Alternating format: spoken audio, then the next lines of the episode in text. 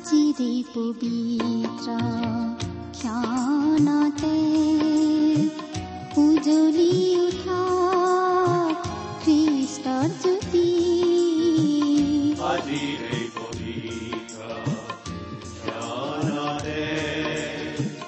উজ্বলি উঠা খ্ৰীষ্টৰ জ্যোতি আকাশ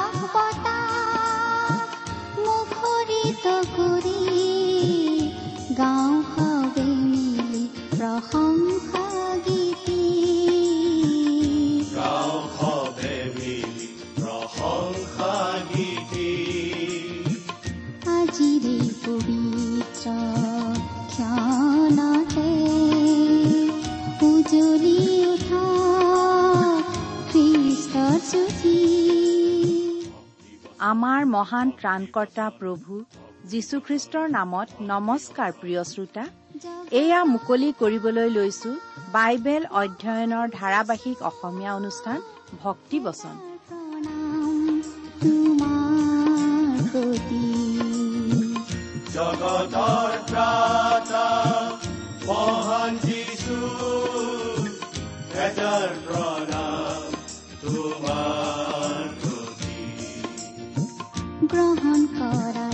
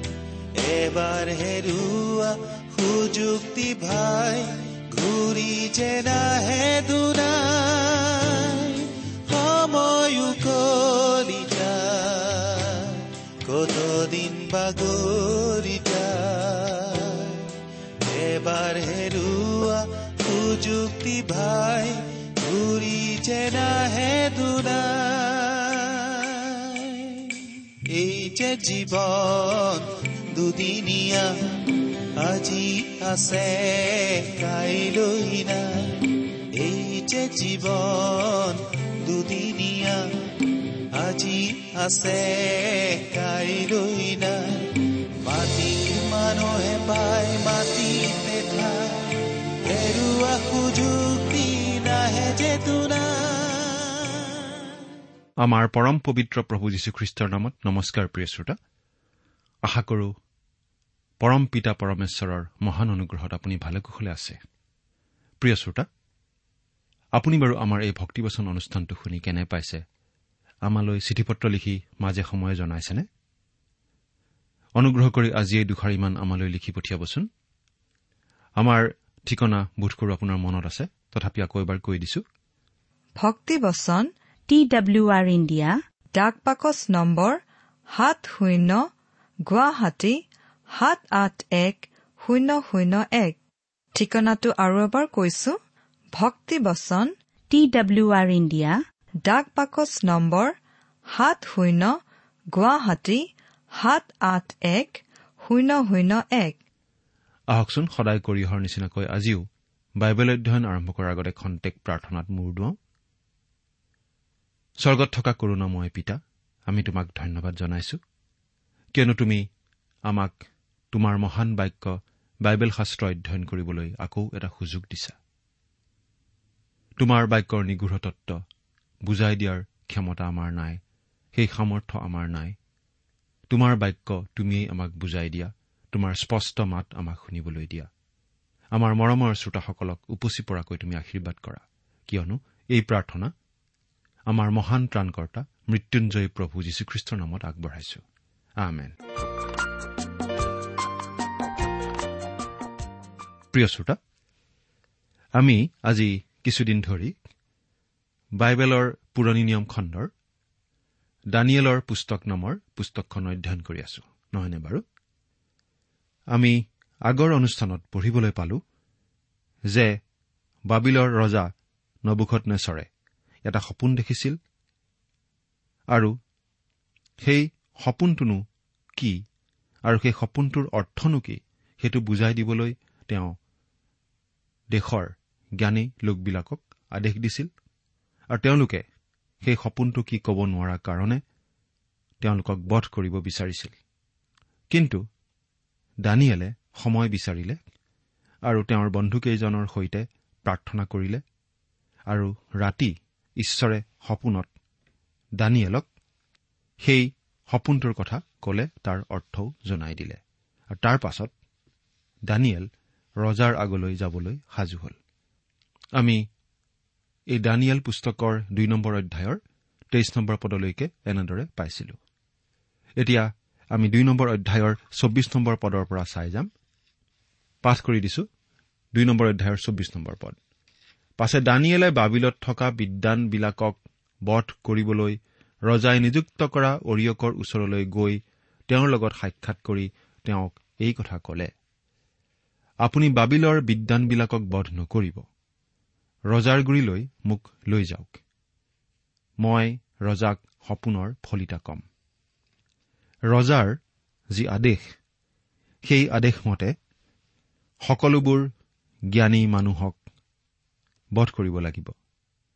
কিন্তু দানিয়েলে সেই ৰক্তক্ষয় বন্ধ কৰিব বিচাৰিছিল। তেনেদৰে নৰহত্যা হোৱাটো তেওঁ বিচৰা নাছিল। আৰু আমাৰ এনেকুৱা ভাৱ হয় যে অৰিয়ক নামৰ এই ব্যক্তিজনৰ মনো তেনেকুৱাই আছিল। সকলোবোৰ জ্ঞানী বিদ্বান পণ্ডিতক বধ কৰিবলৈ তেওঁৰো নিশ্চয় মন নাছিল। তেতিয়া তেওঁ কি কৰিলে? পঁচিছ নম্বৰ পদ। তেতিয়া অৰিয়কে বেগাই দানিয়েলক ৰজাৰ ওচৰলৈ লৈ গৈ ৰজাক কলে দেশান্তৰিত যিহুদীবিলাকৰ মাজত মই এইজন মানুহ পালো। এওঁ ৰজাক ফলিতা কব। দানিয়েলে যে ৰজাৰ সেই সপোনৰ অৰ্থটো ভাঙি কব সেই ভাল খবৰটো জনাবলৈ এই অৰিয়ক নামৰ ব্যক্তিজন ৰজাৰ আগলৈ দৌৰি গ'ল। তাতে ৰজাই বেলচছৰ নামেৰে প্ৰখ্যাত দানিয়েলক সুধিলে মই দেখা সপোন আৰু তাৰ ফলিতা তুমি মোক ক'ব পাৰানে? দেশ দেশকৈ ৰজাই অলপ সন্দেহৰ ভাৱ দেখুৱালে। আৰু সেইটো স্বাভাৱিক কথা। সেই জ্ঞানী পণ্ডিতবোৰৰ কোনো এজনেই সেই সপোনটোনো কি সেইটোৰ অৰ্থনো কি সেই কথা ক'ব পৰা নাছিল। কিন্তু এতিয়া এই বেলচছৰ অৰ্থাৎ দানিয়েল নামৰ ডেকাজন আহি কৈছে যে তেওঁ সেই সপোনটো ক'ব পাৰিব তাৰ অৰ্থও ক'ব পাৰিব। ৰজাই তেওঁক সুধিলে তুমি এই বুলি ক'ব খুজিছা নেকি? যে যি কথা আন কোনো জ্ঞানী মানুহেই ক'ব নোৱাৰিলে সেই কথা তুমি মোক ক'ব পাৰিবা? কিজানি জ্ঞানী পণ্ডিতবিলাকে তেওঁলোকৰ মৃত্যুদণ্ডৰ সময় পিছুৱাই দিবলৈ এনেদৰে বুদ্ধি কৰিছে? ৰজাৰ এই প্ৰশ্নটো নিশ্চয় অলপ চোকা আছিল। কিন্তু দানিয়েলে ৰজাক এটি চিত্তাকৰ্ষক উত্তৰ দিলে। সাতাইছ আৰু আঠাইছ নম্বৰ পদ দুটা পঢ়ি দিছো। তেতিয়া দানিয়েলে ৰজাৰ আগত উত্তৰ দি কলে মহাৰাজে যি নিগূঢ় কথা সুধিছে তাক মহাৰাজক কবলৈ কোনো বিদ্বান কি গণক কি শাস্ত্ৰজ্ঞ কি জ্যোতিষীৰ সাধ্য নাই। কিন্তু নিগূঢ় কথা প্ৰকাশ কৰোতা এজনা ঈশ্বৰ স্বৰ্গত আছে। শেষকালত যি যি ঘটিব সেই সকলোকে তেওঁ মহাৰজা নবুখত নেচৰক জনালে।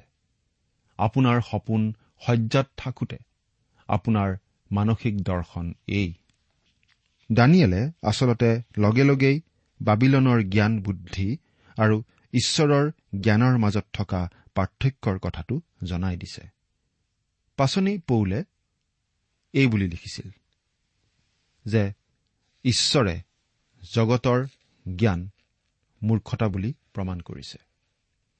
বাইবেলৰ পৰা পঢ়ি দিব খুজিছো। প্ৰথম কৰিন্ঠিয়া এক নম্বৰ অধ্যায়ৰ বিছ আৰু পঁচিছ নম্বৰ পদ। জ্ঞানী ক'ত? অধ্যাপক বা ক'ত? এই যুগৰ বাদ বিবাদকাৰীয়েই বা ক'ত? জগতৰ জ্ঞানক ঈশ্বৰে মূৰ্খতা কৰা নাইনে? কাৰণ ঈশ্বৰৰ মূৰ্খতাই মানুহতকৈ অধিক জ্ঞানযুক্ত আৰু ঈশ্বৰৰ দুৰ্বলতাই মানুহতকৈ অধিক বলৱান। এতিয়া এই পৰজাতীয় ৰজাজনৰ অন্ধকাৰ মনক জীৱন্ত আৰু প্ৰকৃত ঈশ্বৰৰ সৈতে পৰিচয় কৰাই দিয়াৰ এটা সোণালী সুযোগ দানিয়েলে পাইছে। দানিয়েলে কৈছে স্বৰ্গত এনে এজনা ঈশ্বৰ আছে যিজনে নিগৃঢ় তত্ব প্ৰকাশ কৰে। শেষকালত যি যি ঘটিব সেই সকলোকে তেওঁ মহাৰাজ নবুখত নেচৰক জনালে। এই কথাটো অতি গুৰুত্বপূৰ্ণ কাৰণ দানিয়েল ভাৱবাদীৰ পুস্তকখনৰ এইটোৱেই হ'ব মূল বিষয়। এই সপোনটোৱে আচলতে পৰজাতীয় লোকসকলৰ শেষকালৰ কথালৈকে আঙুলিয়াইছে। পৰজাতীয় লোকৰ দিনৰ শেষকাল আৰু ইছৰাইল জাতিৰ শেষকালৰ কথাটো সমান্তৰালভাৱে চলে। আৰু এই দুয়োটা সময়ৰ পৰিপূৰ্ণতা হ'ব মহাক্লেশৰ সময়ছোৱাত। আজি আমি আচলতে মানুহৰ দিনত বাস কৰি আছো। মানুহৰ কাল। পাচনি পৌলে প্ৰথম কৰিন্ঠিয়া চাৰি নম্বৰ অধ্যায়ৰ তিনি নম্বৰ পদত এনেদৰে লিখিছে পাঠ কৰি দিছো। কিন্তু তোমালোকৰ দ্বাৰাই বা মানসিক বিচাৰ সভাৰ দ্বাৰাই যে মোৰ সুধবিচাৰ হয় ইয়াক মই অতি সৰু বুলি মানো। ময়ো নিজৰ সুধবিচাৰ নকৰো। আমি আচলতে মানুহৰ দিনত বাস কৰি আছো। এই কথাটো মন কৰা ভাল যে জাতিবিলাকৰ কাল আৰু জাতিবিলাকৰ সময় সিদ্ধ হোৱা কথা দুটা একে নহয়। ৰুমিয়া এঘাৰ নম্বৰ অধ্যায়ৰ পঁচিছ নম্বৰ পদত এনেদৰে লিখা আছে আমি পাঠ কৰি দিব খুজিছো।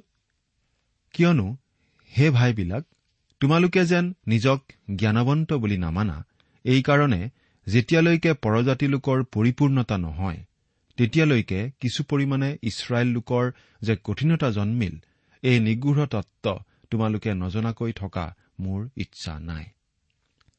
জাতিবিলাকৰ কাল সম্পূৰ্ণ হোৱাটোৰ সামৰণি পৰিব এই পৃথিৱীৰ পৰা খ্ৰীষ্টীয় মণ্ডলীক উত্তোলিত কৰি নিয়াৰ লগে লগে।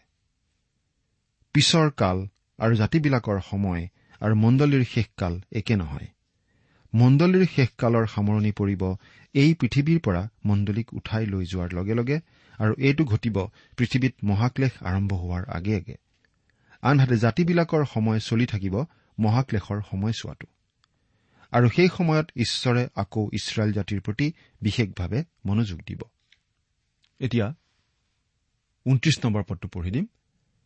হে মহাৰাজ আপুনি শয়ন কৰোতে আপোনাৰ মনত ভাবি ঘটনাৰ বিষয়ে নানা ভাৱনা হৈছিল।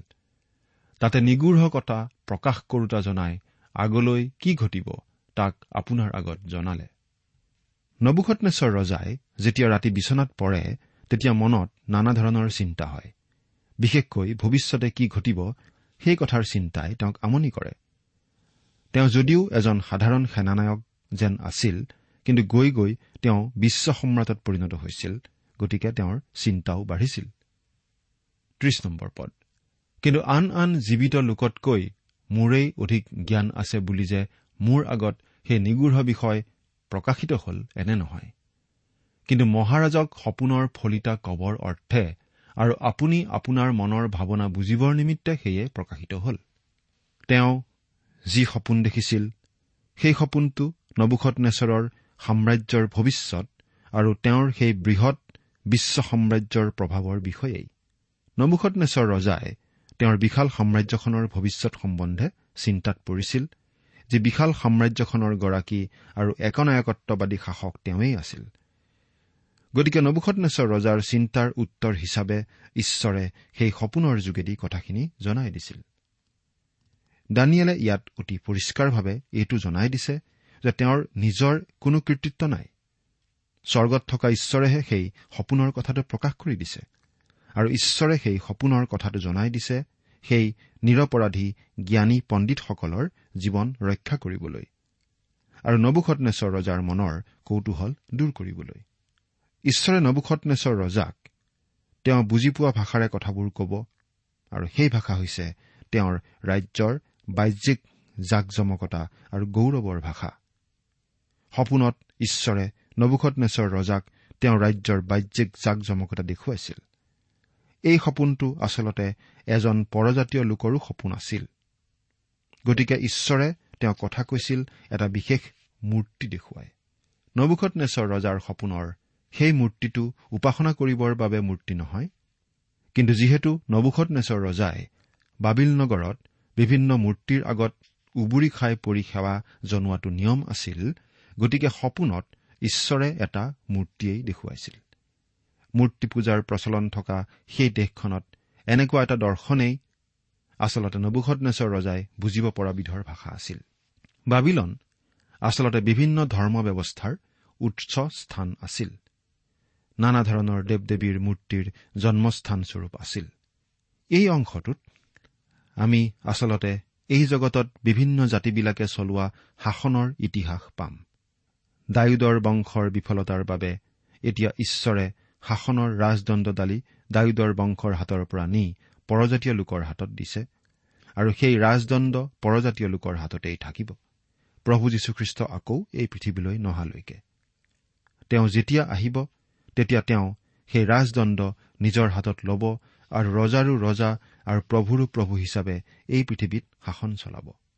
নবুখনেশ্বৰ ৰজাৰ দিনৰ পৰা আৰম্ভ কৰি এতিয়া আমি বাস কৰা সময়কে ধৰি একেবাৰে প্ৰভু যীশু আহি এই পৃথিৱীত তেওঁৰ শাসন চলোৱাৰ দিন পৰ্যন্ত হৈছে জাতিবিলাকৰ কাল। একত্ৰিশ নম্বৰ পদ। হে মহাৰাজ আপুনি চাই এটা বৃহৎ মূৰ্তি দেখিছিল। সেই মূৰ্তি বৰ ডাঙৰ আৰু অতিশয় উজ্জ্বল। সেয়ে আপোনাৰ আগত থিয় হৈছিল আৰু দেখিবলৈ ভয়ানক আছিল।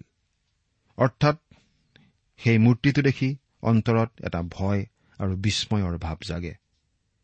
এই মূৰ্তিটো আছিল অতি আকৰ্ষণীয় প্ৰকাণ্ড আৰু অন্তৰত ভয়ৰ ভাৱ জন্মোৱা ধৰণৰ। যেতিয়া দানিয়েলে সেই সপোনটো কি আছিল তাৰ বৰ্ণনা দিবলৈ আৰম্ভ কৰিলে তেতিয়া নবুখতনেশ্বৰ ৰজাৰ মুখৰ অভিব্যক্তি তাচ্ছিল্য আৰু অৱজ্ঞাৰ মনোভাৱৰ পৰা ক্ৰমে ঢাকি ৰাখিব নোৱাৰা বিস্ময়ৰ মনোভাৱলৈ পৰিৱৰ্তিত নিশ্চয় হৈছিল। আৰু সেইটো নিশ্চয় চাবলগীয়া দৃশ্য আছিল। যেতিয়া দানিয়েলে এই বুলি কবলৈ আৰম্ভ কৰিলে আপুনি এটা বিশাল আকাৰৰ মূৰ্তি দেখিছিল। সেই মূৰ্তি অতি উজ্জ্বল আছিল বৰ ডাঙৰ আছিল। তেতিয়া নিশ্চয় নবুখত নেচৰ ৰজাৰ চকু দুটা উজ্জ্বল হৈ উঠিছিল। তেওঁ নিশ্চয় সিংহাসনত পোন হৈ বহি আগলৈ অলপ হাউলি আহি কৈছিল এৰা ঠিক ঠিক তুমি ঠিক কথাৰে আৰম্ভ কৰিছা। বত্ৰিশ আৰু তেত্ৰিশ নম্বৰ পদ। সেই মূৰ্তিটোৰ মূৰ শুদ্ধ সোণৰ বুকু আৰু বাহু ৰূপৰ পেট আৰু কৰঙন পিতলৰ ভৰি লোহাৰ আৰু ভৰিৰ পতা কিছু লোহা আৰু কিছু মাটিৰ আছিল। যেতিয়া দানিয়েলে এই কথাখিনি কলে তেতিয়া নিশ্চয় ৰজাই আকৌ কলে হয় হয় তুমি একেবাৰে সঠিক কথা কৈছা। এতিয়া নবুখত নেজৰ ৰজাই সেই দৰ্শনৰ ব্যাখ্যা শুনিবলৈ সাজু হৈছিল। এই সপোনটোৰ বিষয়ে এজন বিখ্যাত পণ্ডিতে এনেদৰে মন্তব্য কৰিছিল। ইয়াত সকলোখিনি ৰজাৰ আগত তেওঁ বুজি পোৱা ধৰণে সজাই পৰাই আগবঢ়োৱা হৈছিল। বাহ্যিক আৰু দৰ্শনীয় বস্তুবোৰ মানুহে যি ধৰণে বিচাৰে সেইধৰণে উপস্থাপন কৰা হৈছিল। অৰ্থাৎ ঈশ্বৰে নবুখতনেশ্বৰ ৰজাক সেই ভাষাত কথা কৈ আছে যি ভাষা তেওঁ বুজি পায়। সপোনত তেওঁৰ আগত থকা সেই প্ৰকাণ্ড মূৰ্তিটো ঠিক থকা ঠাইতেই কেৱল ৰৈ আছিল লৰচৰ কৰা নাছিল। সহজ ভাষাত কবলৈ গ'লে সেই মূৰ্তিটো আছিল মনত বিশেষ উৎকণ্ঠা জন্মোৱা অতি চকুত লগা মনত অলপ ভয়ৰ ভাৱ জন্মোৱা আৰু প্ৰকাণ্ড। সেই মূৰ্তিটোৰ মূৰটো আছিল সোণৰ বুকু আৰু হাত দুখন আছিল ৰূপৰ পেট আৰু উৰু আছিল পিতলৰ ভৰি আছিল লোৰ আৰু ভৰিৰ পতা দুখন আছিল লোহা আৰু মাটি মিহলি। গতিকে সেই মূৰ্তিটো বিভিন্ন ধাতু আৰু পদাৰ্থৰ এটা অদ্ভুত সংমিশ্ৰণ যেন আছিল। ই বিভিন্ন ধাতু গলাই ধাতুৰ সংমিশ্ৰণ কৰা মূৰ্তি নাছিল কিন্তু চাৰিবিধ ধাতু আৰু বোকাৰ দ্বাৰা গঠিত এটা মূৰ্তি আছিল। চৌত্ৰিশ আৰু পঁয়ত্ৰিশ নম্বৰ পদ। আপুনি চাই থাকোঁতেই শেষত এটা শিল বিনা হাতে কাটি উলিওৱা হল আৰু সেই শিলে মূৰ্তিটোৰ ভৰিৰ লোহা আৰু মাটিৰ পতা দুখনত খুন্দা মাৰি তাক গুৰি কৰিলে। তাতে সেই লোহা মাটি পিতল ৰূপ আৰু সোণ একেবাৰে গুৰি হৈ ঘামকালৰ মৰণা মৰা খলাৰ ঘোলাৰ নিচিনা হল আৰু বতাহে সেইবোৰ এনেকৈ উৰুৱাই লৈ গ'ল যে কতো সেইবোৰৰ উদ্দেশ পোৱা নগ'ল। কিন্তু যি শিলটোৱে মূৰ্তিটোক খুন্দা মাৰিছিল সেয়ে বৃহৎ পৰ্বত হৈ গোটেই পৃথিৱী জুৰিলে। সপোনটো এয়ে। ইয়াৰ ব্যাখ্যা আমি পাছত পাম। ইয়াৰ ব্যাখ্যা আচলতে দানিয়েলৰ যোগেদিয়েই আমি পাম। আমি নিজে চিন্তা কৰি ল'বৰ প্ৰয়োজন নাই।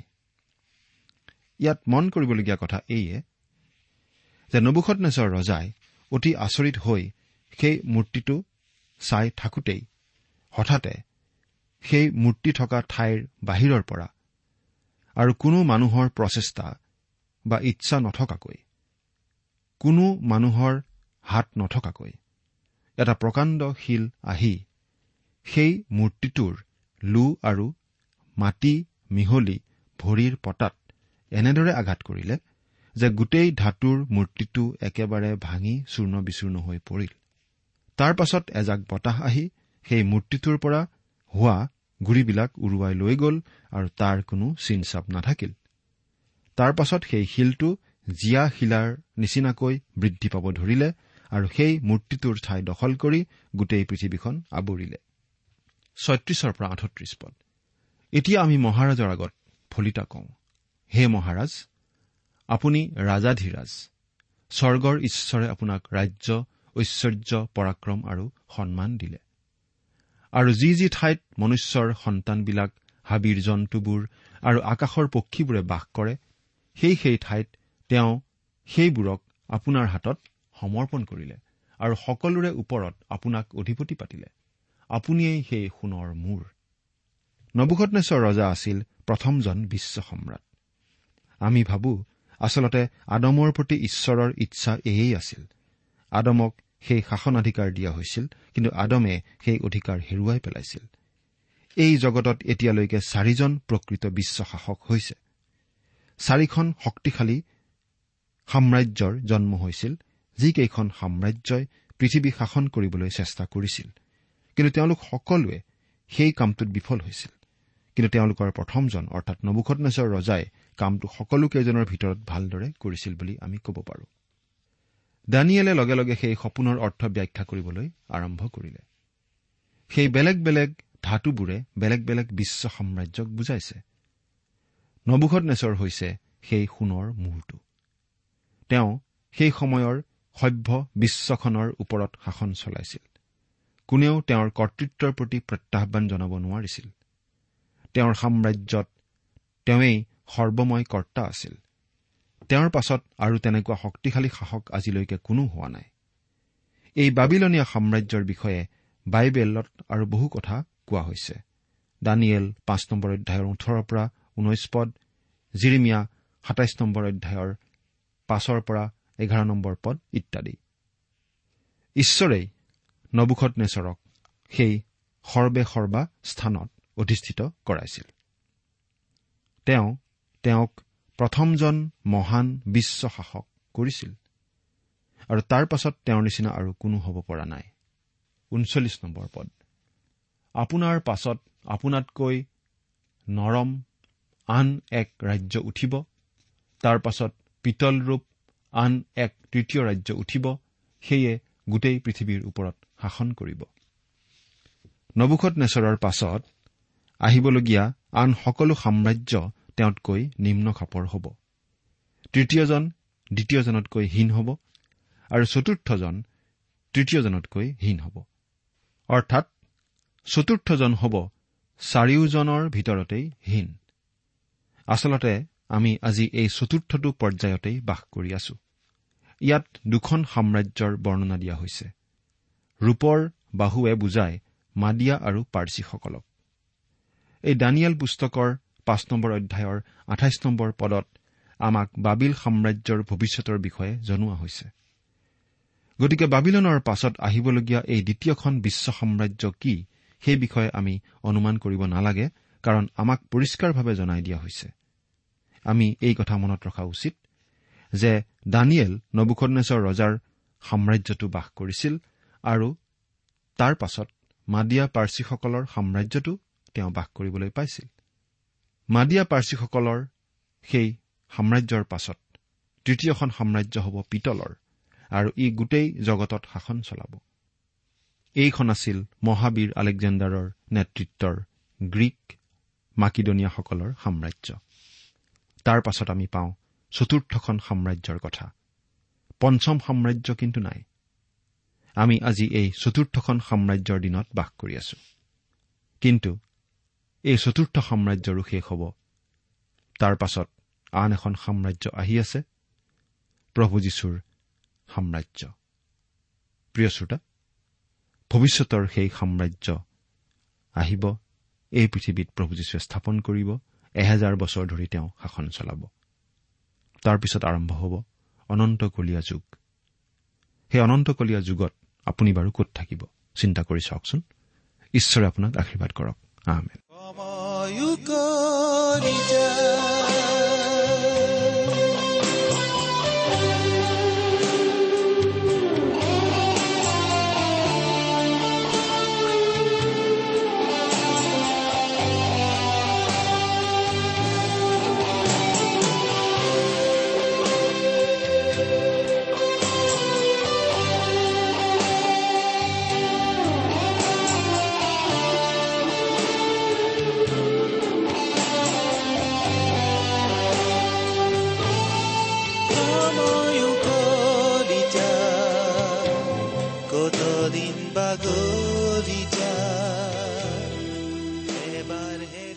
ইমান পৰে আপুনি ভক্তিবচন অনুষ্ঠানটি শুনিলে।